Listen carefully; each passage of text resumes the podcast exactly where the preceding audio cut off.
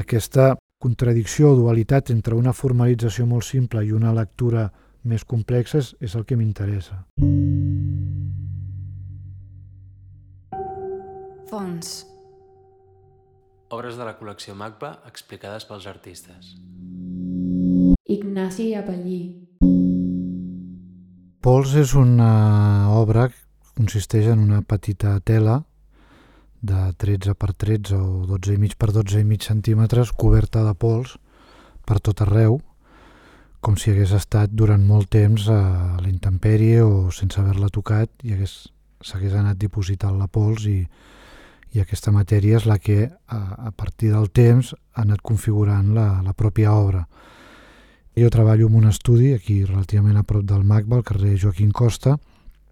És un edifici antic, una antiga fàbrica del segle XIX i la pols és una presència permanent, de manera que si jo deixo un paper a sobre la taula, un full en blanc, el dia següent ja té una fina capa de pols que el cobreix.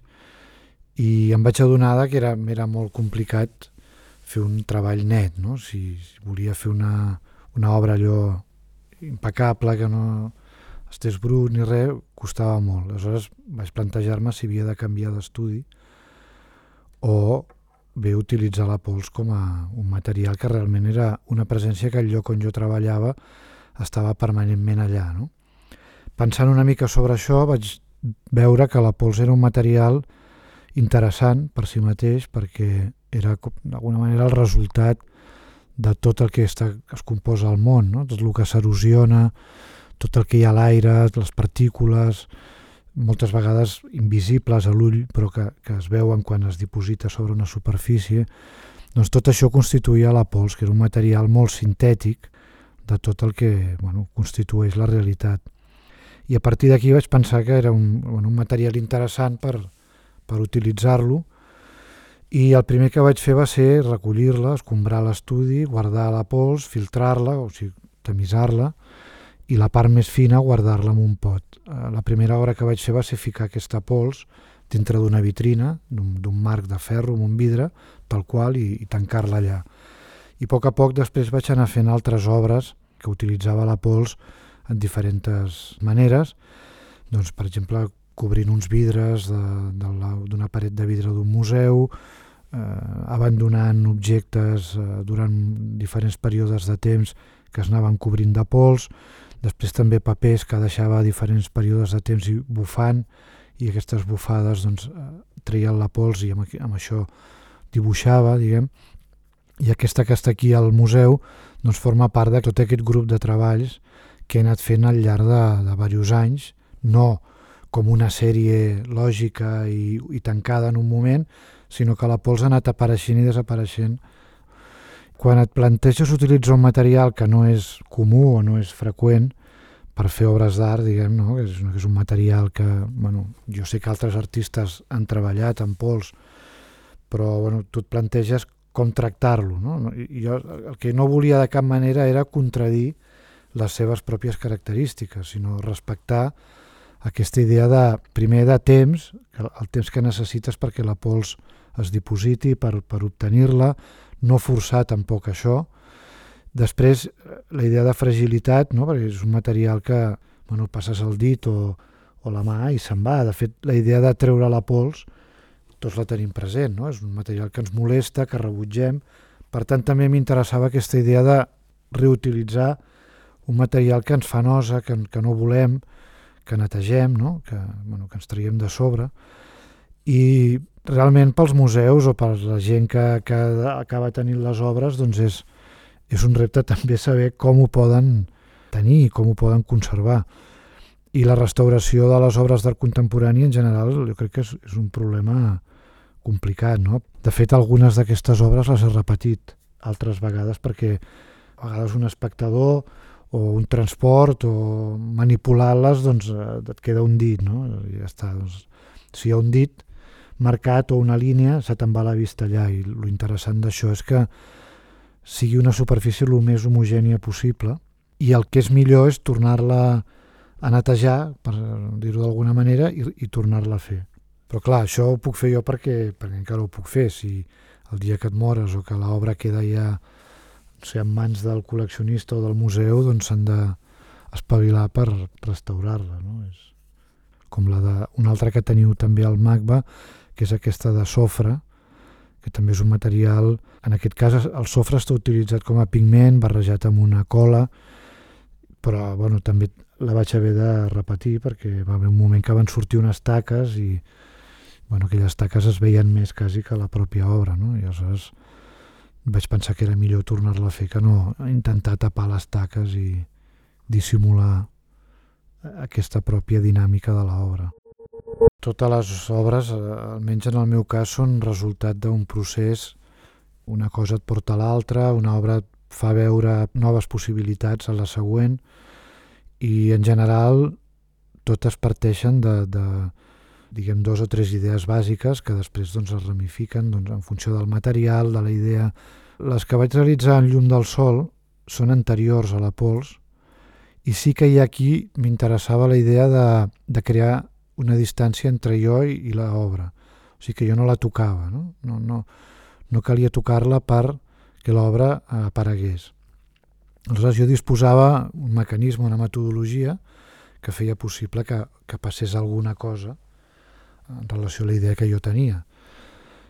Tant en el cas de la llum del sol com en el cas de la pols, el temps és un factor important, la meteorologia, l'ambient, les de la llum tenen més relació potser amb la, la idea de la fotografia, del registre a partir de la, de la influència de la llum i les de la pols és més bueno, deixar que una matèria es vagi dipositant, però podríem trobar moltes eh, relacions i, i punts de, de contacte.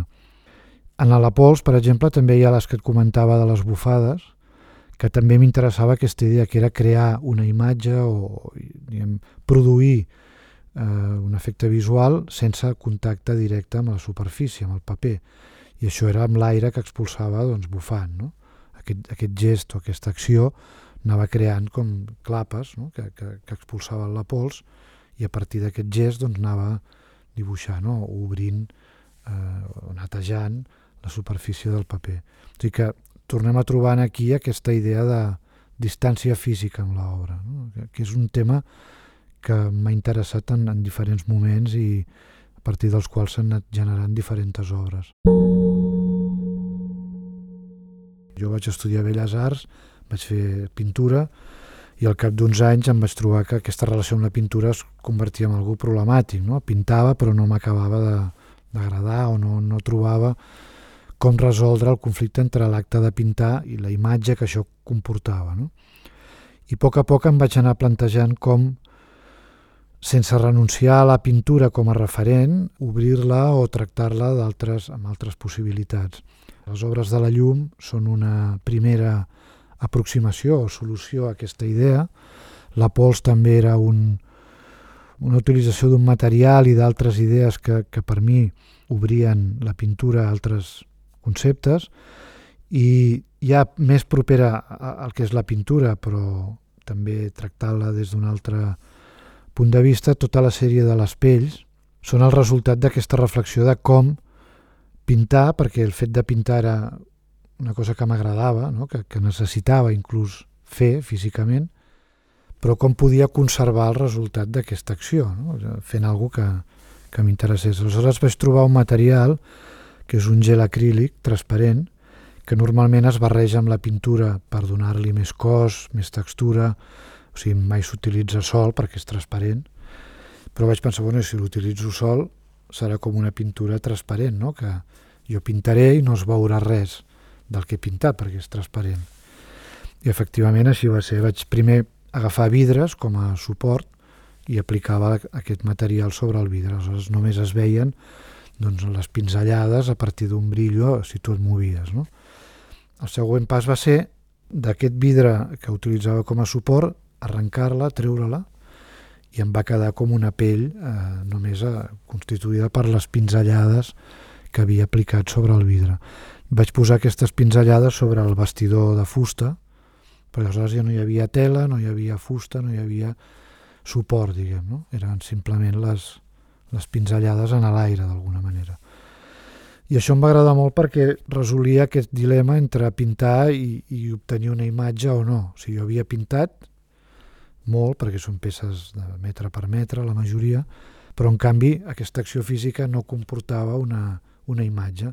Jo deia que era una mica la, unes obres que eren més antipintura que pintura, perquè la pintura de fet és una ficció, tant si és una pintura figurativa com una pintura abstracta, no? tu obres com una finestra o una altra realitat. Tu pots representar la realitat, les tres dimensions, l'espai, a partir de la utilització d'uns colors i d'una superfície bidimensional. I aquesta ficció doncs, et fa veure una cosa que no és veritat, una simulació de la realitat. En canvi, aquesta, aquestes pintures feien tot el contrari, posaven en evidència aquesta falsetat que és tota representació. No? Tu veies les pinzellades, el, el vestidor, els dos claus que aguantaven, la paret, o sigui, no amagava res del que tota pintura amaga. No? Són unes obres de les que estic particularment content perquè segueixen estant molt pròximes a la pintura, de fet ho són, hi ha pintura bastidor, paret, claus que l'aguanten, però en realitat mm, no es veu res. No? La de pell, que és la que té el magma, ja va consistir en ja no posar la, la pell aquesta sobre el vestidor, sinó directament a la paret, que és el lloc on pengem l'obra normalment. No? I encara és diguem, més despullada en aquest sentit, que no hi ha ni vestidor ni claus, sinó que simplement és una superfície bidimensional, transparent, aplicada sobre el mur, que és el lloc on es pengen els quadres. Va haver una tercera que va ser pintar directament el, el quadrat sobre la paret. O sigui, aquesta del museu encara és una, una pell que es pot diguem, transportar, guardar, però en el cas de la tercera, que ja va pintada directament a la paret, és una obra que només està allà durant l'exposició i després es torna a pintar i cada vegada s'ha de repetir perquè bueno, queda amagada per la nova capa de pintura blanca, no? el, el repintar del museu o el lloc on s'exposa. Gran Error és, és una obra relativament propera en el temps i, i com idea a la de la pell. De fet, formalment són semblants, és un quadrat blanc, una mica diferent del blanc de la paret, però són molt, molt semblants de dimensions i, de, i visualment gran error, està en la línia de, de buscar, de, de trobar noves sortides a la pràctica pictòrica. Tenia el típex a sobre la taula, bueno, com un material d'oficina normal i corrent, no? I, i un dia el vaig obrir i em vaig adonar que era un líquid blanc, semblant a la pintura, i a més hi havia un pinzellet a dintre el pot que, que servia per aplicar aquest líquid sobre el paper i vaig pensar, home, que era un, un material interessant i, i possible per ser utilitzat en, en, diguem, en una línia més propera a la pintura. No? A més, tapava, cobria, tenia aquesta característica que és un material que serveix per corregir, això també m'agradava molt, no? utilitzar la idea de, de corregir, de, de rectificació, de, de l'error, que era un tema que també m'interessava molt. El primer que vaig fer va ser això, doncs, eh, agafar, pintar un quadrat negre a la paret que jo me'l prenia més que com a, com a pintura i com a, com a quadrat negre, això vinculat a la pintura, com un text tan dens que ja no hi ha blanc, sinó que tot és text, no? I, i cobrir-lo amb, el, amb el típex, de manera que quedava mm, corregit, eh, diguem, eliminat, i si entenem que la paret és el full de paper, l'equivalent, doncs era com haver corregit un error en aquella paret, no? que havia aparegut una taca que no tenia un sentit determinat. Després vaig veure que hi havia altres eh, al·lusions i altres referents a la història de la pintura, evidentment el, el blanc sobre blanc de Malevich, el quadrat negre de Malevich, i el fet de posar-li un títol com Gran Error doncs, també era obrir l'obra a, a una sèrie d'especulacions. Per una part, introduir la idea de l'error i la correcció, que era el que havia fet el Típex, però també pensar quin era el gran error, si haver fet l'obra, si haver-la tapat, si haver-la deixat, i, i amb una certa ironia o amb un cert humor parlar de totes aquestes coses, no? De la història de la pintura, de com pintar ara, de, de què és l'error, què puc fer en pintura, què és crear una imatge, què és aportar una imatge al món contemporani i plantejar la idea de la, de la impossibilitat o de la dificultat de crear noves imatges, no? de, en un món en el que bueno, la imatge és una, té una presència contínua, quotidiana, accés d'imatges. No? Aquesta obra una mica planteja una, una aturada, no? de dir, bueno, eliminar-la, no? és tapar-la. De fet, també hi ha una sèrie d'obres en les que he utilitzat el típex com a material bàsic. Hi ha una que es diu correcció, que consisteix en tapar un mirall, un mirall com a objecte generador continu d'imatges, no? doncs anul·lar aquesta capacitat, de fet unes altres també sobre paper, però sempre ser molt respectuós amb el que és aquest material. No? És un material que serveix per corregir, per tapar, doncs utilitzar-lo per això, no? en relació a l'error i al cobrir, a l'eliminar, tornar el full en blanc, no? la idea aquesta de tapar un mirall amb una superfície blanca vol dir poder-lo reutilitzar per, per abocar qualsevol imatge sobre ell. No, no la que ell reprodueix, sinó la que l'espectador eh, projecti sobre aquesta pantalla blanca que, que, que ha anul·lat la capacitat seva de, pròpia de generar imatges. Són obres, en general, jo crec, molt senzilles formalment, molt de seguida pots veure què és allò, et pot interessar més o menys, però pots entendre què hi ha al darrere. El que sí que m'interessa és que aquesta, aquest dispositiu tan simple sigui eh, susceptible d'obrir reflexions, eh, opinions, lectures, no? que, que hi hagi complexitat darrere d'aquesta aparent senzillesa o simplicitat formal. El gran error és una obra que té moltes eh, lectures, referents, eh, i és simplement el fet de això, tapar un quadre negre amb un material com el típex, però sí que procuro que bueno, hi hagi com a mínim un, una possibilitat d'entrar només ja amb la, amb la visió de l'obra. És veritat que el títol doncs, és important i moltes vegades dona una clau de com eh, llegir-la o per on entrar, però penso que ha d'haver també un, una forma de que l'espectador es pugui enganxar diguem, sense grans textes ni grans eh, dificultats. No? Són obres que també qüestionen la idea de la percepció, que demanen un, pues, això, una, que t'hi fixis, una certa atenció per ser vistes, totes aquestes transparents i les del típex i què és veure, què veiem, què no veiem. L'obra ha de ser eh, cridanera, impactant, ha de tenir colors o no cal, ha de ser, pot ser així eh, molt discreta, invisible, no? Això obre altres reflexions també.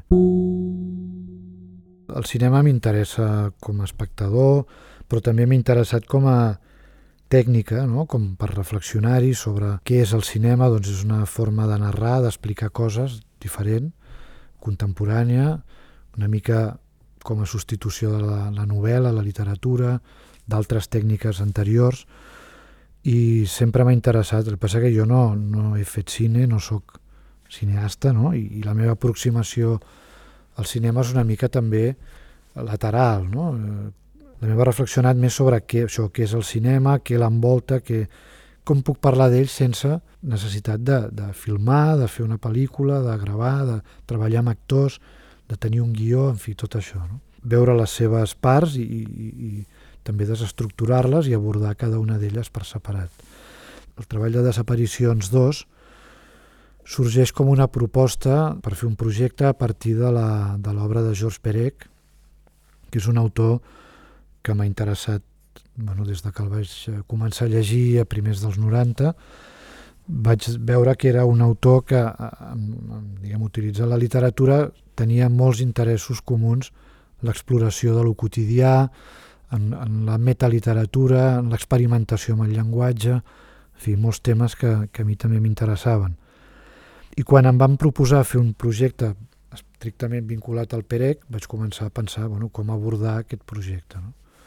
I investigant sobre ell i la seva biografia, vaig descobrir que tenia una vinculació important amb el cinema, que ell mateix havia fet pel·lícules com a director, però que també havia col·laborat com a guionista i com a, bueno, de diferents maneres en molts projectes, tant de cinema com de televisió, i em va semblar que era interessant abordar el projecte sobre aquest aspecte de, de l'obra de Perec, que no era la seva, diguem, més important o més coneguda, que és la literària, ni tampoc la meva com a persona que treballava amb el cinema. No? Era un, com un territori comú però impropi dels dos.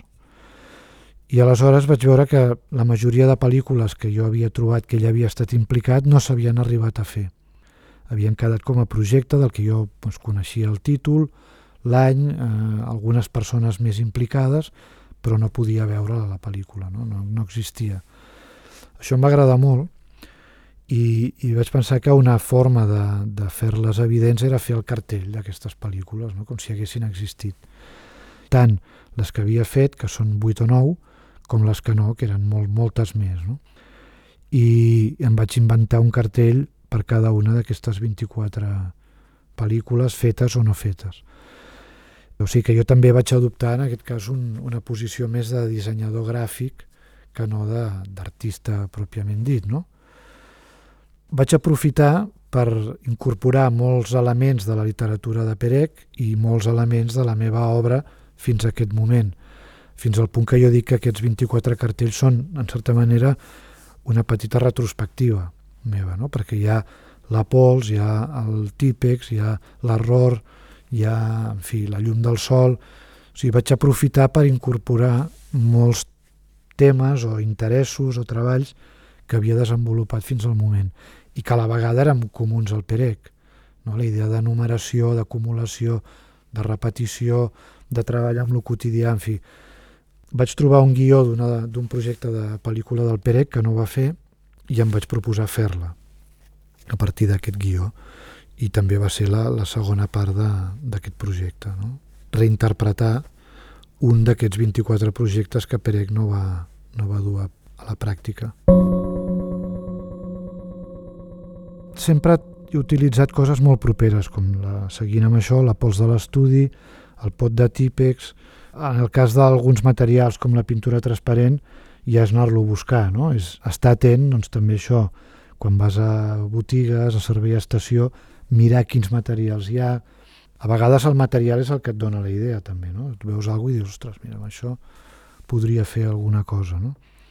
L'interessant és estar molt atent a, a l'entorn, no descartar res, estar bueno, mirant que tot pot ser interessant per fer alguna cosa, no? des de com et vesteixes, a com menges, o quan passeges, o quan estàs de vacances. De fet, sempre penso que, que ens perdem moltes coses, no? i que, no sé, estar aquí ara, doncs segurament hi hauria idees que serien interessants que sorgirien d'aquesta situació, que ara igual no les veig, però després ho penses i dius, ah, ostres, sí, per què no, no? Allò, i, i en general és això, observar molt, analitzar molt, eh, mirar amb, amb molt, molt atentament tot el que t'envolta. El quotidià, eh? tampoc estic parlant de grans filosofies, no? el dia a dia, no? és el més interessant que hi ha per mi i, i la majoria d'obres surten d'aquí.